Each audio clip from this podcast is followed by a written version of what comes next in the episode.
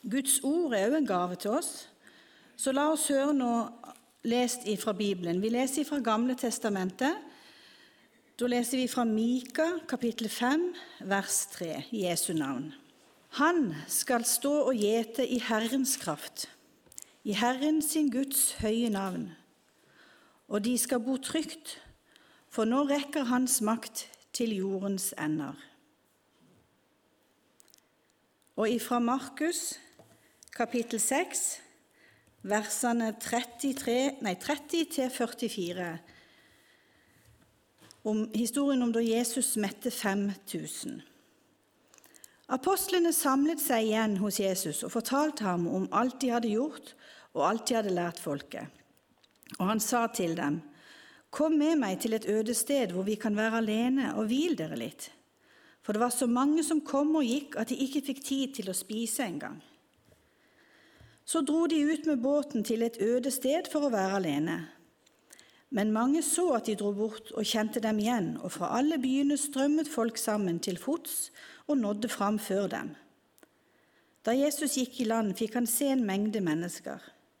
Han fikk inderlig medfølelse med dem, for de var som sauer uten gjeter. Og han ga seg til å undervise dem om mange ting. Det var nå blitt sent på dagen, og disiplene kom til ham og sa:" Stedet er øde, og det er alt blitt sent.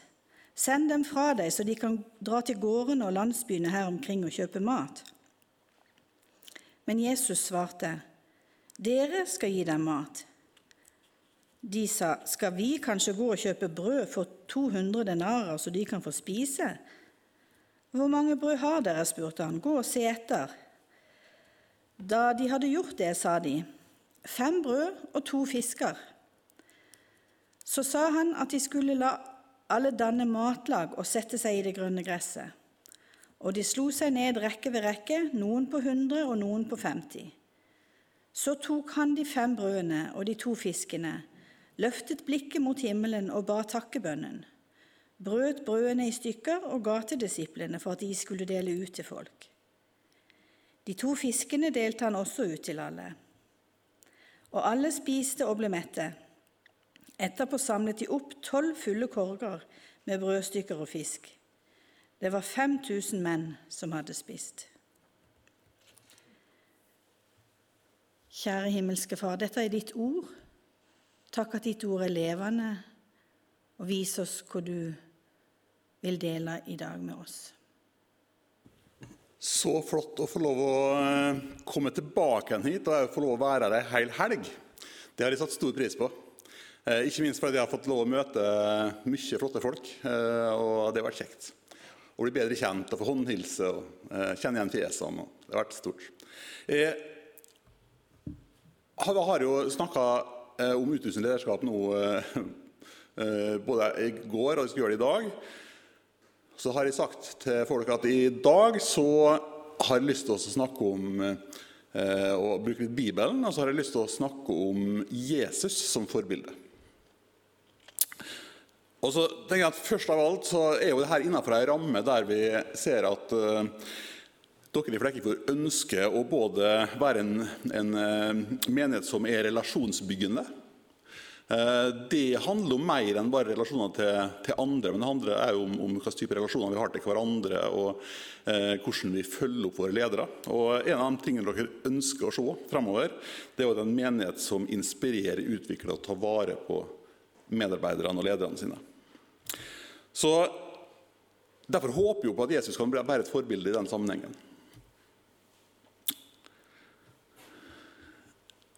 Jesus han eh, Eh, han, eh, vi, vi, leste om allerede fra Mika, kapittel 5, vers 3.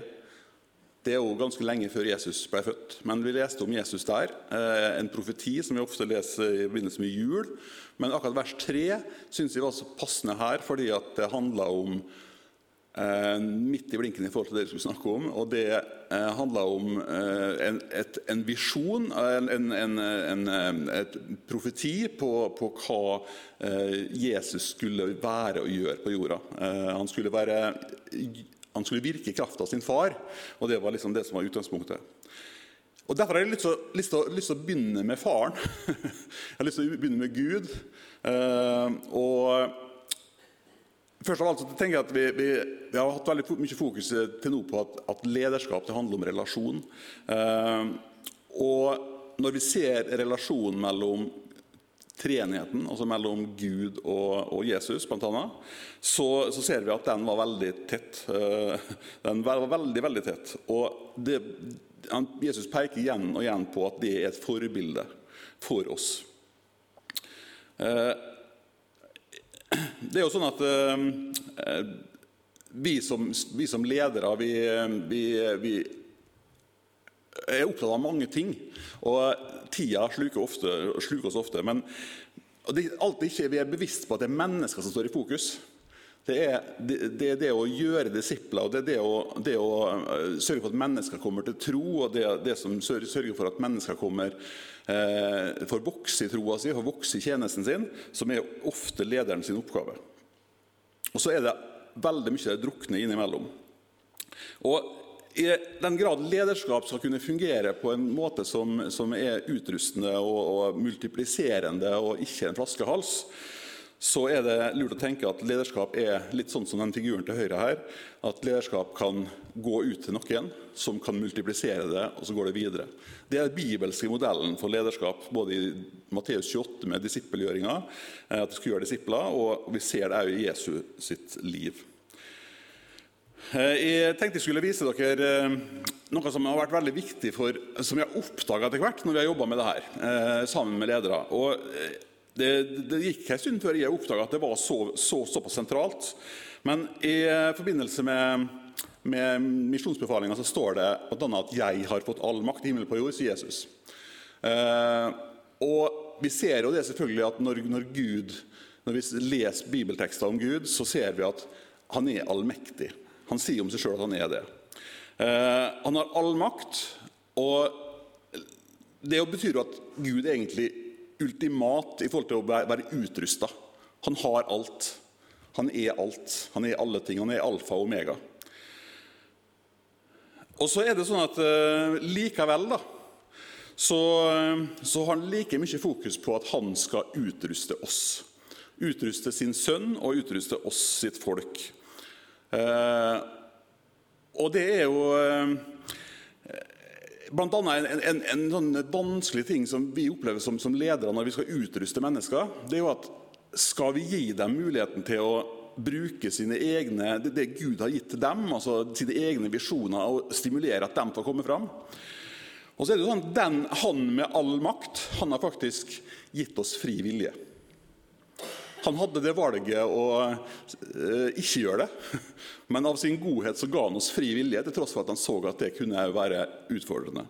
Og Det tenker jeg det er forbilledlig i forhold til oss ledere, som syns vi, vi det er skummelt å slippe til eh, f.eks. alle in, gode initiativ rundt omkring, fordi vi tenker at, vi, at strømmen går i én retning.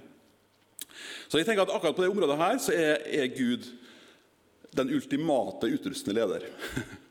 Han har all makt, og han utruster sitt folk. Og Vi skal bl.a. lese det i Johannes. Dere har ikke utvalgt meg, men jeg har utvalgt dere og satt dere til å gå ut og bære frukt, en frukt som varer. Da skal Far gi dere alt dere ber om, i mitt navn.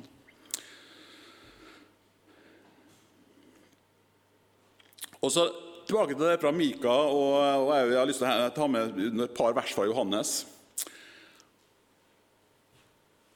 Jesus var veldig bevisst på å peke på sin far i sin tjeneste. At det var fra han han fikk det. Og så leste det her, Jesus tok til orde og sa til dem.: Sannelig, sannelig, jeg sier dere, sønnen kan ikke gjøre noe av seg selv, men bare det han ser sin far gjøre. Det far gjør, det gjør også sønnen. Og fra vers 30.: Jeg kan ikke gjøre noe av meg selv, jeg dømmer etter det jeg hører, og min dom er rettferdig. For jeg søker ikke det jeg selv vil, men det han vil, han som har sendt meg. Og så er spørsmålet da, Hvordan fungerte Jesus som utrustende leder når han kom og tjente i de tre åra før han ble korsfesta? Da vet dere litt om det. Eh, Jesus begynte sin tjenestetid og begynte med den med ganske tidlig å, å skaffe seg tolv disipler. Det var ikke så store grupper, Men likevel var det, det en større gruppe enn dem som kom han aller nærmest. For dem som kom Jesus aller nærmest, eh, det var Peter, Jakob og Johannes. Eh, det var dem han tok med seg, eh, sikkert mange ganger, men i Bibelen så ser vi i hvert fall minst tre ganger at han tok spesielt med seg dem her. Opp på fjellet, der de skulle møte Elia og Moses. Det var der han tok med seg inn til hun jenta som, som var død, og som ble vekka til live. Og det var i Getsemane på den siste dagen før han ble fanga. Så det er jo de tre disiplene som kom med inn i Getsemane og ble med der. Og Så ser vi videre at uh, utover tjenestetida så, så, er det plutselig blitt 72 disipler som sendes ut, to og to. Uh, og så ser vi samtidig at Jesus har ganske mange ganger, bl.a. i den teksten vi hørte i dag, uh, en stor folkeskare som, som, etterspør Jesus som leder, og som, eh, som en veiviser. Og Så ser dere at her beveger det seg fra få til mange, og flere og flere. Og Det er nok kanskje en del, en del, som kjennes igjen i det i, i hverdagslivet for oss òg. Eh, men så er det sånn at hverdagslivet for oss det er ganske hektisk ofte. Og hvis du tenker at dette er et hjul som spinner litt rundt, og det spinner litt fort rundt, så det spinner kanskje fortere og fortere, så er det noe som heter sentrifugalkraft, som sørger for at ting blir pressa utover. Og en leders tid, eh, eller dere som, som eh, kjenner på livet, går fort rundt Dere vil kanskje oppleve at det å være med de få blir utfordra i forhold til å være med de mange. Eh, så blir, Det er ganske mange forventninger ganske mange behov.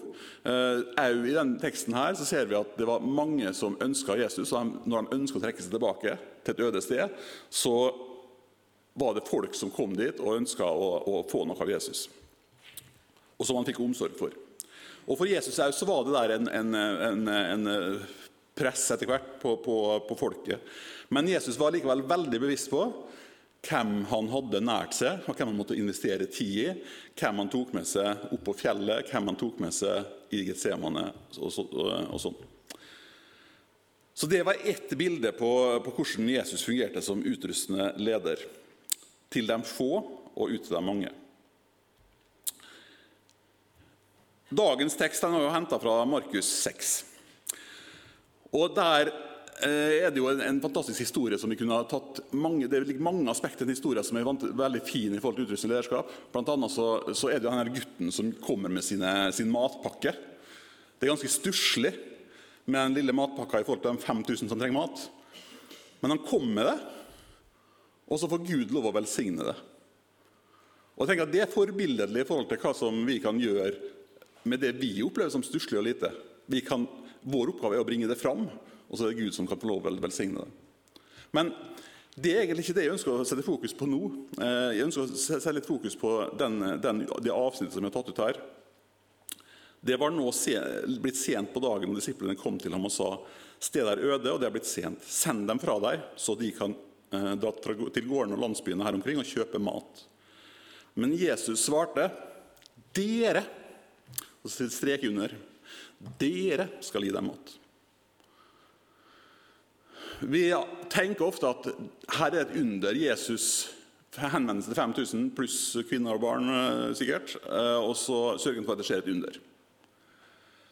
Men han gjør noe mer samtidig.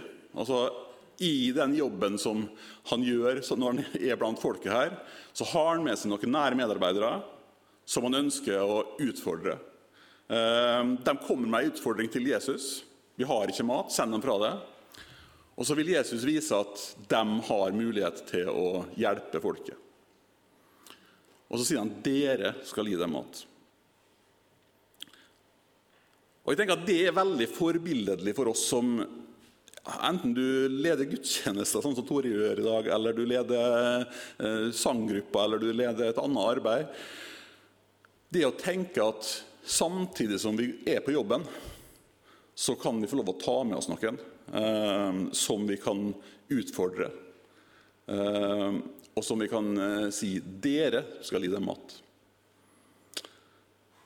Og jeg tenker at det, den, det, her jeg tenker at det er en profeti som, som Jesus sier. Han sier til disiplene, men han sier noe som angår oss alle til enhver tid.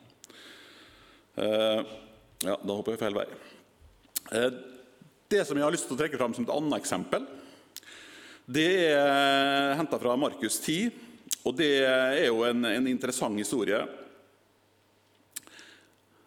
Det er jo sånn at uh, det er en utfordrende krangel, krangling mellom, mellom disiplene. Uh, og så er det, er det Peter Johannes Nei, uh,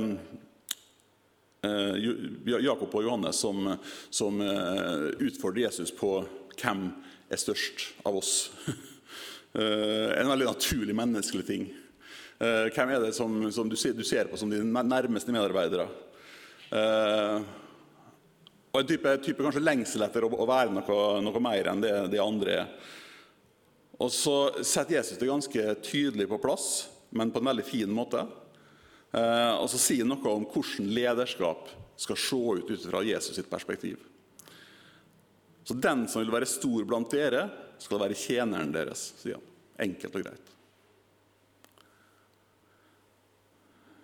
Og Det tenker jeg at gir gir en innramming for hvordan vi kan, kan eh, være ledere i menigheten. Så synes jeg Han gir et veldig godt forbilde. Eh, I Johannes 13 så står det noe om da Det var rett, rett før, før han, den turen til Getsemane. Men da, da, vasker Jesus disiplene sine føtter. Og det var jo litt spesielt at mesteren gjorde det. Men så sier han, 'Jeg har gitt dere et forbilde.'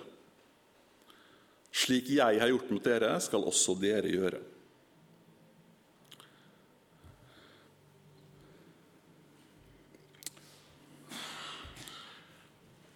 Ja, eh, Her kom det veldig mye på en gang, men vi kan lese likevel. Jeg har tatt, tatt med meg et bibelvers eh, fra Johannes 14 som jeg syns var, var, veldig eh, godt i denne sammenhengen. her. Eh, og Det sier noe om det jeg begynte med, om Jesus og relasjonen mellom Jesus og hans far. Og Så, så går han litt videre. Fordi at det her var jo på slutten av, av tida Jesus var, var, sammen med disiplene. Og eh, Da er jo, er jo spørsmålet hva, hva, skjer med dem da? Hva skjer med dem, og hva skjer med oss mange år etterpå? Og Så sier han her Far er i meg og gjør sine gjerninger. Så har jeg hoppa over noen vers innimellom her, men sannelig, sannelig, jeg sier dere, den som tror på meg, skal også gjøre de gjerninger jeg gjør. Ja, enda større gjerninger, for jeg går til far. Dersom dere ber meg om noe i mitt navn, vil jeg gjøre det. Og jeg vil be min far, han som, eh, og han skal gi dere en, en annen talsmann, som skal være hos dere for alltid. Jeg lar dere ikke bli igjen som foreldreløse barn. Jeg kommer til dere. Den dagen skal dere skjønne at jeg er i min far, at dere er i meg, og at jeg er i dere.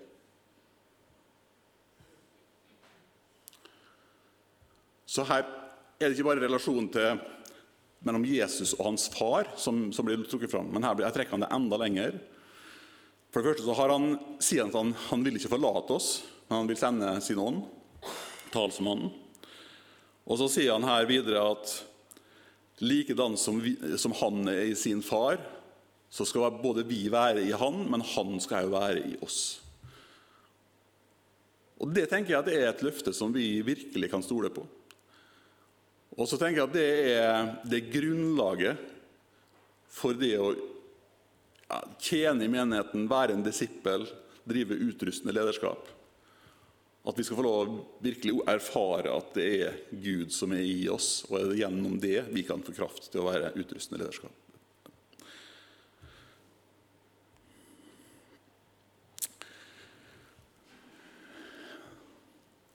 Og Jeg har lyst til å utfordre dere litt til slutt. Som med Jesus som forbilde jeg snakka i går kveld om hva tar du med deg inn i rommet. Tenk at Vi gjør alle det. Vi har alltid noe med oss inn i rommet. Det du har erfart. Det du velger å ta med deg inn i rommet av humør eller tilnærming til ting.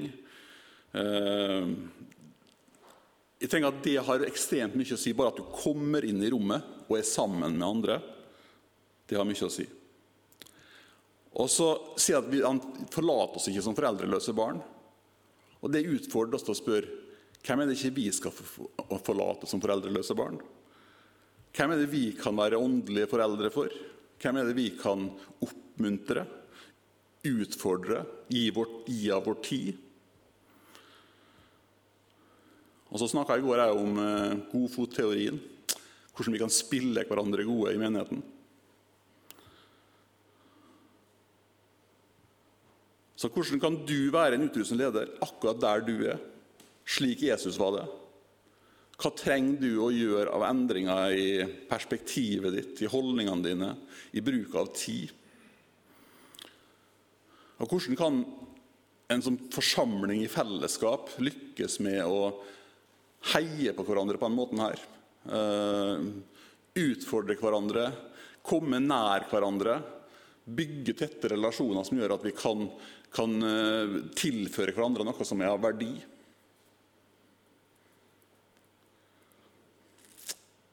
For Jesus har gitt oss et forbilde, og nå er vi her.